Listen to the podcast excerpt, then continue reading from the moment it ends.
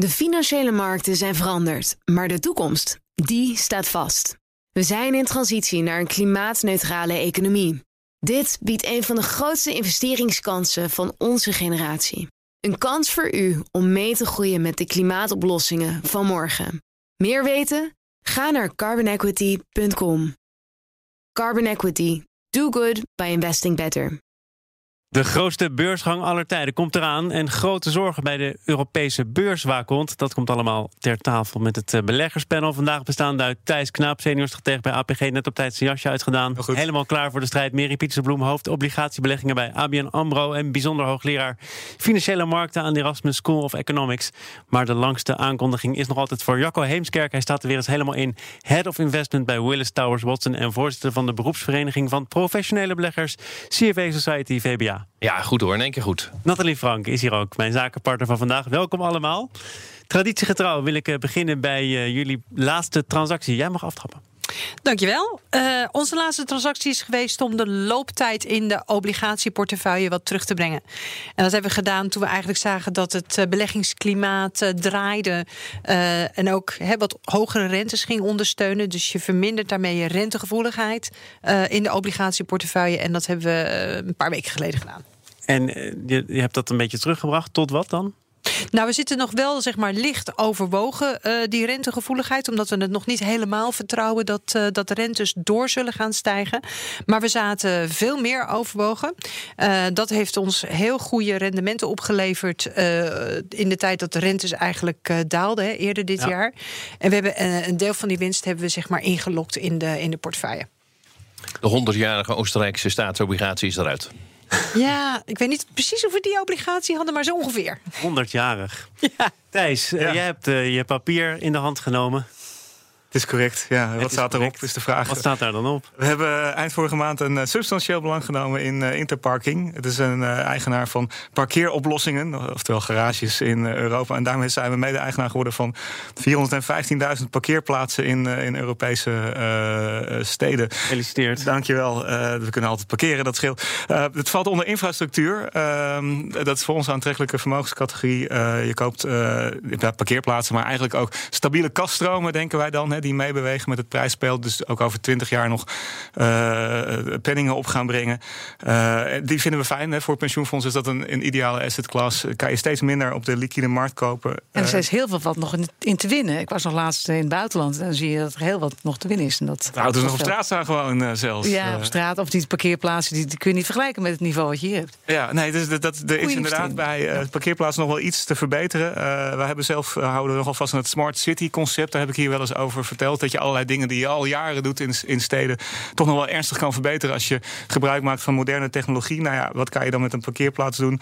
Ja, je kan uh, aangeven waar er een vrij is, bijvoorbeeld. Je kan er een laadpaal naast zetten. Uh, je kan ruimte maken voor carsharing plekken. Nou, al dat soort dingen. Ja, maar niet nu... te veel carsharing, anders dan komt die parkeerplaats leeg te staan. Uh, dat is waar. Dus het moet geoptimaliseerd worden. Maar dat gaan we allemaal doen. En daarmee hopen we een goed rendement. En, en, en kijk je dan ook nog naar maatschappelijk verantwoord beleggen? Ja.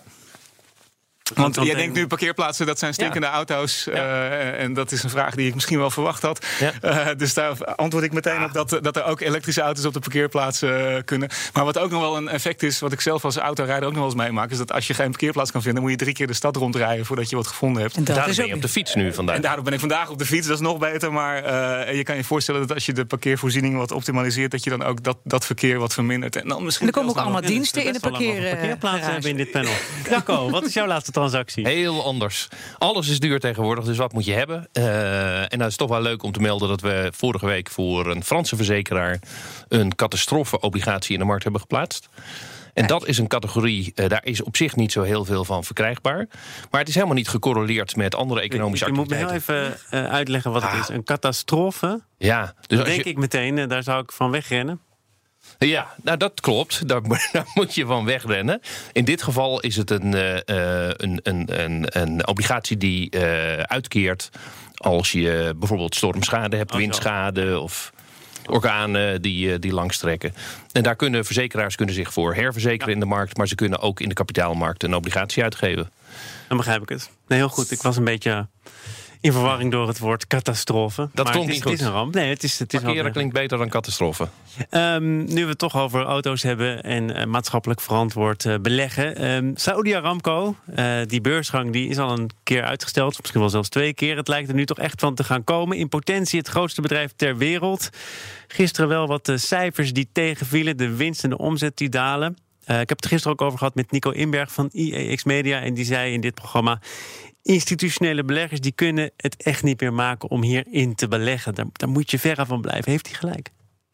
Ik denk dat hij in eh, grote mate wel gelijk heeft. Hè. Er is natuurlijk in Nederland een hele beweging eh, voor het duurzaam beleggen. We moeten dan wel ook even wat verder over de grens kijken. Ik was recent in Amerika en daar leeft dat een heel stuk minder. Ehm, dus we moeten niet te snel oordelen voor, eh, voor de hele wereld. Maar dat is zeker een, eh, een belangrijk aspect ehm, voor de beursgang van dit, eh, van dit aandeel. Absoluut. We werden gebeld door het FD. Ik ga meteen maar even door als institutionele belegger. Ja, nee, van, stond op een lijstje. Ja, heel goed. Dus eh, met de vraag: sluiten jullie het van tevoren uit? Eh, en daarop was het antwoord nee, dat doen we niet. Eh, de uitsluitingen hebben hele strenge regels voor. Daar volgen we de Verenigde Naties in. En nou, daar is Saudi-Arabië nog niet op het zwarte lijstje terechtgekomen.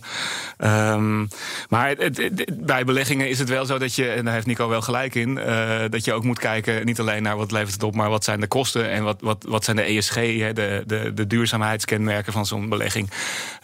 En daar denk ik dat voor elke belegger geldt dat dat ja, bij het aandeel Saudi Aramco een belangrijke overweging zou moeten Als je zegt, we sluiten het niet op voorhand uit, dat is natuurlijk ook gewoon echt meteen een grens eh, stellen. Ja. Maar het is ook niet heel aannemelijk dus dat jullie daar wel instappen. Nou, we gebruiken het. Stel de eh, vraag even op een andere manier. Ja, heel goed. Eh, dus ik geef hetzelfde antwoord. Maar ik, ik zal er iets meer bij vertellen. Dus, eh, Ja, maar we sluiten niet op voorhand uit, wil hier. zeggen, dat gaat dus waarschijnlijk niet gebeuren. Nee, dus wij hebben een beleid waarbij. En het beleid is dat we. eh de, de geloven niet in dat, om allerlei dingen eh, uit te sluiten. omdat we het niet, niet fijn vinden. We, we zien er vaak meer heil in om aan tafel te komen bij, bij bedrijven. Zelfs als de bedrijven nog niet helemaal tip en top zijn. zoals we dat in Nederland gewend zijn. En dan op die manier als aandeelhouder het te verbeteren. Dus de vraag die dan op tafel, tafel ligt is: van, zien wij hier veel perspectief Ja. om, het, om het bedrijf. Ik had eh, deze vraag letterlijk zo verwoord in mijn draaiboek staan. Je hoort vaak dat bedrijven zeggen, institutionele beleggers, we moeten aan tafel komen. Ja. Maar is het Ja, zinvol om aan Ja, tafel... Dat hoor je dan Ja, opnieuw van mij. En dat is ook echt waar. Want ik denk dat, dat, je, dat je als belegger... Nou ja, sommige dingen wil je, wil je gewoon niet mee gezien worden. Dat is absoluut waar. En sommige plekken ja, eh, is er... Maar er gaat maar een heel klein plukje van de bedrijf gaat naar de beurs. Hè? Dus waar heb je het dan eigenlijk over? Hoeveel zeggenschap heb je dan over wat er bij Saudi Aramco gebeurt? Ja, als je zo begint, kan je überhaupt wel Nee, maar ik eh, vraag het maar. eh, ophouden. Ja, maar dat is, dat is ook een van de overwegingen. Kijk, er gaat geloof ik 3% naar de beurs, las ik Ja. in, de, in de Maximaal, krant hè? vanochtend maximaal. Dus Ja. 97% blijft in de handen van de Saudische staat. Dat, daar heb je ook mee te dealen. En dat is ook iets wat je als ja, minderheidsbelegger, zeer grote minderheidsbelegger, eh, dan eh, mee moet nemen. En dat, is, eh, ja, dat kan ook een reden zijn om misschien toch niet zo enthousiast eh, erin te stappen. Ik, ik denk dat het toch in, eh, het is misschien pijnlijk om te zeggen, maar uiteindelijk best in portefeuilles van pensioenfondsen ook in Nederland terecht gaat komen. Ondanks het feit dat op E, de S en de G op alle drie de gebieden hier behoorlijk wat op aan te merken is. Simpelweg om reden dat het in de index wordt opgenomen. En dat partijen die die index volgen, eh, waarschijnlijk dan ook een, een stukje Saudi Aramco hebben. Ja. Maar je had net al eh, je vraagtekens bij eh, investeren in, in een parkeergarage. Ja. Dan is dit toch nog wel een halte verder, of niet? Nou, ik, ik moet ook wel. Ik heb een kleine glimlach op mijn gezicht als ik nou kijk naar deze, deze transactie. Dus ik lees dat er 25 internationale banken zijn ingehuurd om deze eh, IPO te begeleiden. En dat er wereldwijd meer dan 300 banken zijn ingehuurd om uiteindelijk de distributie te doen. Eh, het is maar 3%. Toch is het omgerekend, hopen ze 60 miljard. Dus ze doen wel ontzettend hun best om er een succes van te maken. En ook als je dan ziet hoe het ondersteund wordt. Mirja en ik hadden er van tevoren even over. Ja.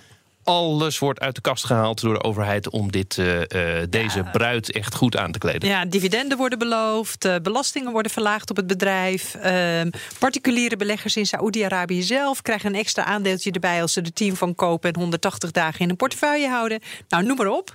Ehm, ik denk wel, uiteindelijk gaat de markt wel oordelen wat de werkelijke waardering is van het bedrijf. En daar is met name ook de speculatie over. De mensen die het in de klassieke portefeuilles opnemen, zoals ook wij voor een deel zullen moeten doen, want het loopt in je index erin aan alle kanten. En dat is, de, en dat is de benchmark waar tegen je eigenlijk belegt. En dan ga je gewoon kijken van ja, weet je, uh, wat, wat, wat is eigenlijk uh, de, de, de verwachte rendement voor het risico wat je loopt? En de risico's zijn wel bekend, dat is met name in de politieke sfeer. Ja. Maar het rendement, hoeveel kun je daarop verwachten? Nou, dat hangt heel erg van de waardering af. En daar is ook hele grote speculatie over. Maar misschien een hele domme vraag. Hè? We, uh, 3 procent, we hebben ze dat kapitaal nodig? Of is het gewoon een soort charme-offensief om te kijken van hoe liggen wij in de in de wereld. Nee, ze, het is geen, uh, ze hebben het nodig. Ja, ze, ze willen hun economie uh, wegdiversifiëren van olie. Um, dus voor, ik zie vanuit uh, Saoedi-Arabië heel goed eigenlijk het verhaal om dit nu naar de markt te brengen. En ze hebben Sabik nog, die ze gedeeltelijk moeten betalen in cash. Ja. Dus, ja, ja, ja, En ze hebben grote plannen, grote projecten opgelijnd, die op allerlei manieren de economie moeten gaan helpen mm. om die om te vormen. Mm. Um, waar het geld in gaat belanden is het publieke investeringsfonds.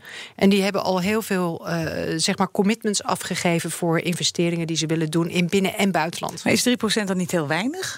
Uh, normaal gesproken wel, maar dit is een megabedrijf. Dus je hebt het dus over 2000 miljard. Dat is de top-end van de, van de mhm. waardering. Daar wordt het waarschijnlijk niet voor naar de beurs gebracht. Maar ja, een paar procentjes daarvan is gewoon heel veel. En misschien lukt het ook wel, want juist als je maar een heel klein beetje naar de markt brengt, dan heeft dat op de prijs natuurlijk best een uh, effect. Ik, ik, sprak gisteren ook met eh, Mark van Baal, die is van Follow This. Nou, waarschijnlijk wel bekend, hè? De actie, activistische aandeelhoudersgroep die probeert ook vanuit Shell um, hervorming voor elkaar te krijgen. En de logische vraag is: goh, um, zou je erin stappen? Um, en er waren twee goede redenen om het niet te doen. Eén, hij vroeg zich af of het allemaal wel veilig was om daar een aandeelhoudersvergadering bij te wonen. En twee, zei hij, dit is een staatsgestuurd bedrijf. Daar komt de verandering niet van dus ik heb maar een beperkte uh, capaciteit om, uh, om mijn talenten aan te wenden en om, om mijn aandacht uh, aan te geven. En dan verwacht ik niet zoveel van Saudi Aramco. Thijs, snap je dat? Ja, ik snap het wel. En het is vooral als je inderdaad zegt van het is maar 3% en je hebt, je, ze luisteren waarschijnlijk toch niet naar je, dan is dat een logische redenatie. ik denk overigens, je moet het ook niet onderschatten. Wat Mary net al zegt, dus ze hebben echt het geld nodig, want ze moeten de Saudische economie hervormen. Anders dan loopt het over 20 jaar sowieso mis. Uh, dus ik denk dat je als, als belegger niet helemaal onbelangrijk bent. Dit is, eh, als je ooit wat wil veranderen, dit is wel het moment eh, als ze het geld nodig hebben, als je de leverage hebt, ja, dan dus kun je wat idealisten die het gaan kopen dan het aandeel om mm. te zorgen dat er... durven, ja, dat goed. Nou, niet om die reden denk ik, maar je, het is een goede beweging dat ze dat proberen te doen. Uh, en we gaan praten over een uh, interview de zorgen van Steven Major van de Europese beurswaakhond ESMA. Hij trok aan de bel in het FD. De problemen met moeilijk verhandelbare beleggingsfondsen zijn een risico voor het financiële systeem. Jacco, kun je eerst even uitleggen wat er speelt? Uh, nou, wat er speelt is dat er uh, in de afgelopen maanden een aantal fondsen is geweest dat beleggers weg zag lopen. En eigenlijk uh, niet voldoende liquiditeit kon vrijmaken om die beleggers hun geld terug te geven. Waardoor uh, er stress komt in het systeem, prijzen omlaag gaan.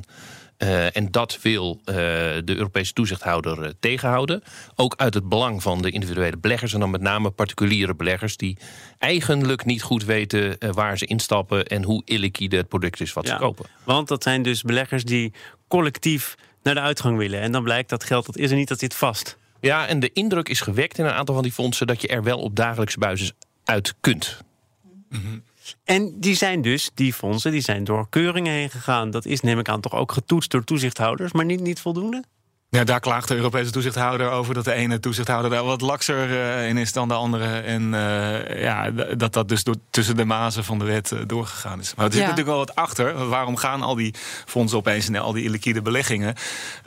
terwijl dat misschien niet zo'n heel goed idee is. Dat komt allemaal doordat daar elders helemaal geen rendement meer te behalen is. Dus in, in feite is dit het effect van de, de search for yield, de zoektocht naar. Daar mag naar deze rendement. Steven Major niks over zeggen. Ja, dat is niet zijn, zijn, zijn werk. Dus ik snap dat hij er alsnog een beetje verdrietig van wordt. Maar het is wel. Uh, het is wel verklaarbaar. Hè. De, de, de reden uh, is misschien uh, wat, uh, wat simpel. Maar ja, je moet ergens je, je, geld vandaan halen. En als dat niet in de liquide markt kan, dan proberen mensen. Dus dan ga je risico's nemen die niet zo goed te, nou ja, Voor mensen die ook, voor fondsen die tegelijkertijd weer moeten uitkeren, is het inderdaad minder verstandig. Ik, ik, kwam hier net met parkeergarages. Ja, die kunnen we niet morgen weer verkopen. en dat kan omdat wij werken voor pensioenfondsen. En die hoeven pas over langere tijd het geld weer uit te keren. Ja. Dat is een ander verhaal. Dus niet voor elke belegging is dit een goed idee. Nee, je ziet ook, hè, het, het echoot eigenlijk wat het IMF twee weken geleden nog heeft geroepen uh, in, uh, bij de presentatie van het uh, stabiliteitsrapport van financiële markten. Ja. Hebben ze ook een hele mooie analyse gedaan in hun rapport. nou, hebben ze dan niet over parkeergarages, Thijs, maar ze hebben het wel over wat de minder liquide obligaties. Dus dat zit helemaal in mijn wereld. Uh, maar ook over alternatieve beleggingen. En dan kom je wel bij, uh, bij infrastructuur, bij, uh, bij vastgoed en, en dat soort zaken. Maar wat ze, wat ze bij die obligatiefondsen hebben ontdekt, is dat inderdaad de kaspositie die wordt aangehouden, die is verminderd. Niet zozeer op de hele hoog speculatieve obligaties, daar is die gelijk gebleven, maar wel in, de, zeg maar in het middensegment van toch nog redelijk kredietwaardige obligaties, is de kaspositie gewoon teruggelopen. Nou, en als je daar dan een stressscenario op loslaat. Hm. Uh, en je gaat dan kijken van oké, okay, laten we eens veronderstellen dat er net zoveel mensen uit willen als uh, tijdens de, de, de, laatste crisis. Is er dan voldoende liquiditeit in die fondsen? Conclusie nee. Nou, en daar is het IMF maakt zich daar zorgen over. Nou, jij en maakt ook wilde uh, maar is, is, dat, is dat dan terecht? In hele uitzonderlijke situaties uh, wel. En ik vind daarom ook goed dat uh, zowel het IMF als, uh, als ESMA hier nu de spotlight op zet. Want je wil eigenlijk het dak repareren als het, als het weer nog gewoon um, goed is. En je wilt niet tegen zo'n soort situatie aanlopen als de hele markt in de stress ligt. Ja. Maar het is minder bijzonder dan je misschien suggereert onbedoeld. Ja. Uh, je kunt kijken naar die Neil Woodford met zijn fonds. Uh, daar liepen de mensen weg. Dan heb je snel uh, stress. Een van die Natexis fondsen, H2O, daar gebeurde hetzelfde. Ja. Omdat er iemand in een verkeerd daglid werd gesteld... en mensen naar de uitgang liepen. GAM heeft hetzelfde ook nog eens gehad. Dus in de afgelopen maanden is het drie keer voorgekomen... dat er toch een run naar de uitgang is. Hè. Geen dus... enkele van die drie gevallen is het een systeemrisico geworden. Nee, dat waren individuele fondsen. En het IMF zegt pas op, want als dit, als dit wat grotere omvang heeft... dan kan het ook elkaar gaan besmetten. Dat van de ene ellende de andere komt en dat we dan een, op ineens weer een, een, financiële crisis hebben. Nou, dat, moet het IMF zeggen, dat doen ze altijd. Hè. Dat is hun, uh, hun rol. Uh, en ik vind het ook een beetje ja, vervelend in die zin dat, uh, wat ik net zei, je wordt als belegger de moeilijke kant op gedrukt. Hè. Ja. De, de, rente is negatief, je moet ergens wat verdienen. nou, dan kom je terecht in, in moeilijk verhandelbare stukken. Ja, en dan zegt diezelfde toezichthouder, die dan in hetzelfde gebouw zit, zegt ja, maar dat mag ook niet, want dan neem je te veel risico. Dus je wordt er wel een beetje. Het mag wel. Uh, alleen moet goed weten waar je in belegt. Exact. Nou ja, heel goed. En dat is, uh, dat is waar. En dat is... dat als jij zegt, het IMF heeft een bepaalde functie, deze toezichthouder toch ook. Het zou toch heel gek zijn als hij zegt, joh, nee, ga je gang maar en zoek de maas nou, van de hij heeft ook een bepaalde agenda. Hè? Want het komt uit, uit het stuk natuurlijk heel duidelijk naar voren dat waar hij voor pleit is uh, toezicht op Europees niveau. Regie. En toevallig is dat uh, de taak van de ESMA. Dus uh, hij, hij, hij predikt ook een beetje voor eigen boek. Overigens vind ik het wel een goede boodschap. Want wat je ook ziet in Europa... is dat, he, dat landen een beetje tegen elkaar op concurreren... Ja. wat betreft dit soort regelomgeving. Sommige landen proberen het uitermate aantrekkelijk te, te maken... voor fondsen om daar naartoe te komen. Um, en dat wil je eigenlijk binnen één Europa natuurlijk niet hebben. Nee. Jacco, jij zei net, het is de afgelopen maanden misschien zonder dat de meeste mensen het doorhebben vier keer gebeurd. Uh, dan wordt hier gezegd, ja, systeemrisico's die zijn er wel degelijk. Maar toch nog even, waarom, waarom is dat systeemrisico er nu eigenlijk dan nog niet? Waarom waren dit geïsoleerde gevallen? Ja, dat is, dat is altijd ingewikkeld te beoordelen. Maar we kijken natuurlijk heel erg naar welke systeemrisico's zich opbouwen. Uh, en ik, onderweg hier naartoe, dacht ik, uh, dan luister ik naar de podcast ook van Kees de Kort. En dan die ziet nu ook overal lichtpunten. En dan denk ik, als jullie vaste commentator positief wordt. Nou, dan is morgen nog maar even af hoor. Dan is het echt opletten geblazen. Dus uh, ik, ik begin wel degelijk te kijken naar de barstjes die je in, in de financiële wereld ziet. En een van die barstjes vind ik ook de Amerikaanse repo-markt bijvoorbeeld. Waar ja. opeens geen liquiditeit meer was een aantal weken geleden. En waar eigenlijk nog steeds de toezichthouders kijken wat de oorzaak daarvan is. Er zijn allerlei verhalen. Maar niemand heeft eigenlijk echt het goede verhaal nog uh, te pakken. Nee, maar dat gaat er dan wel vanuit dat het de komende tijd misschien alleen maar minder wordt. Hè? De recessie die eraan komt. Maar tegelijkertijd zou je ook kunnen zeggen. Ik weet het niet. Ik geloof dat Thijs, jij de redactie hebt gezegd dat het ook wel tijd is voor misschien wat goed nieuws. Nou ja, het, het is altijd tijd voor goed nieuws. Maar het viel mij op dat er, uh, als we kijken, uh, de, de, de, de MSCI World, de aandelenindex, stond gisteren op een all-time high. Het is nog nooit zo, uh, zo hoog geweest. Um, de, nou, Mary riep het al even, de rente stijgt ook weer een teken dat de, dat de grote vrees eruit is. Het lijkt bijna wel lente als je niet naar buiten kijkt waar de blaadjes hier op straat liggen. dus er is wel wat goed nieuws. En daar zitten wel allerlei dingen achter. Je ziet voortgang bij Brexit. Er schijnt een, nu dan echt een handelsdeal te komen tussen China en en de VS. En dus, dus al met al op markten uh, is het nieuws niet eens zo heel slecht. Nou moet je dat een beetje loszien van het risico op een, op een crisis. Want die kan er altijd komen. En daar moet je altijd klaar voor zijn. Dus ik wil ook niet de optimist ophangen, eh, uithangen hier die, die nergens uh, problemen en dat ziet. Is, dat is denk ik ook het, het, het woord waar ik op aansla, risico. Kijk, risico is één, want dan weet je wat er kan gebeuren... en kun je er een kans aan toerekenen. Maar onzekerheid is eigenlijk veel belangrijker. En wat we nog niet weten wat er kan gaan gebeuren... dat veroorzaakt vaak stress in de markt. Dus zo'n zo'n brexit en alles wat je al weet wat verkeerd zit... dat gaat die stress niet meer veroorzaken. Wil jij nog iets toevoegen? Ja, zeker. Jij ziet ook in de, in de onderliggende macro-economische data dat er wel uh, dat, dat de zaak zich stabiliseert. Dus alle, alle indicatoren die, uh, die liepen naar beneden, maar die stabiliseren nu. Dan heb ik het bijvoorbeeld over ondernemersvertrouwen in de wereld. Uh, dan heb je het over ehm, productie van auto's in Duitsland, wat de hele tijd lang heel erg zwak was.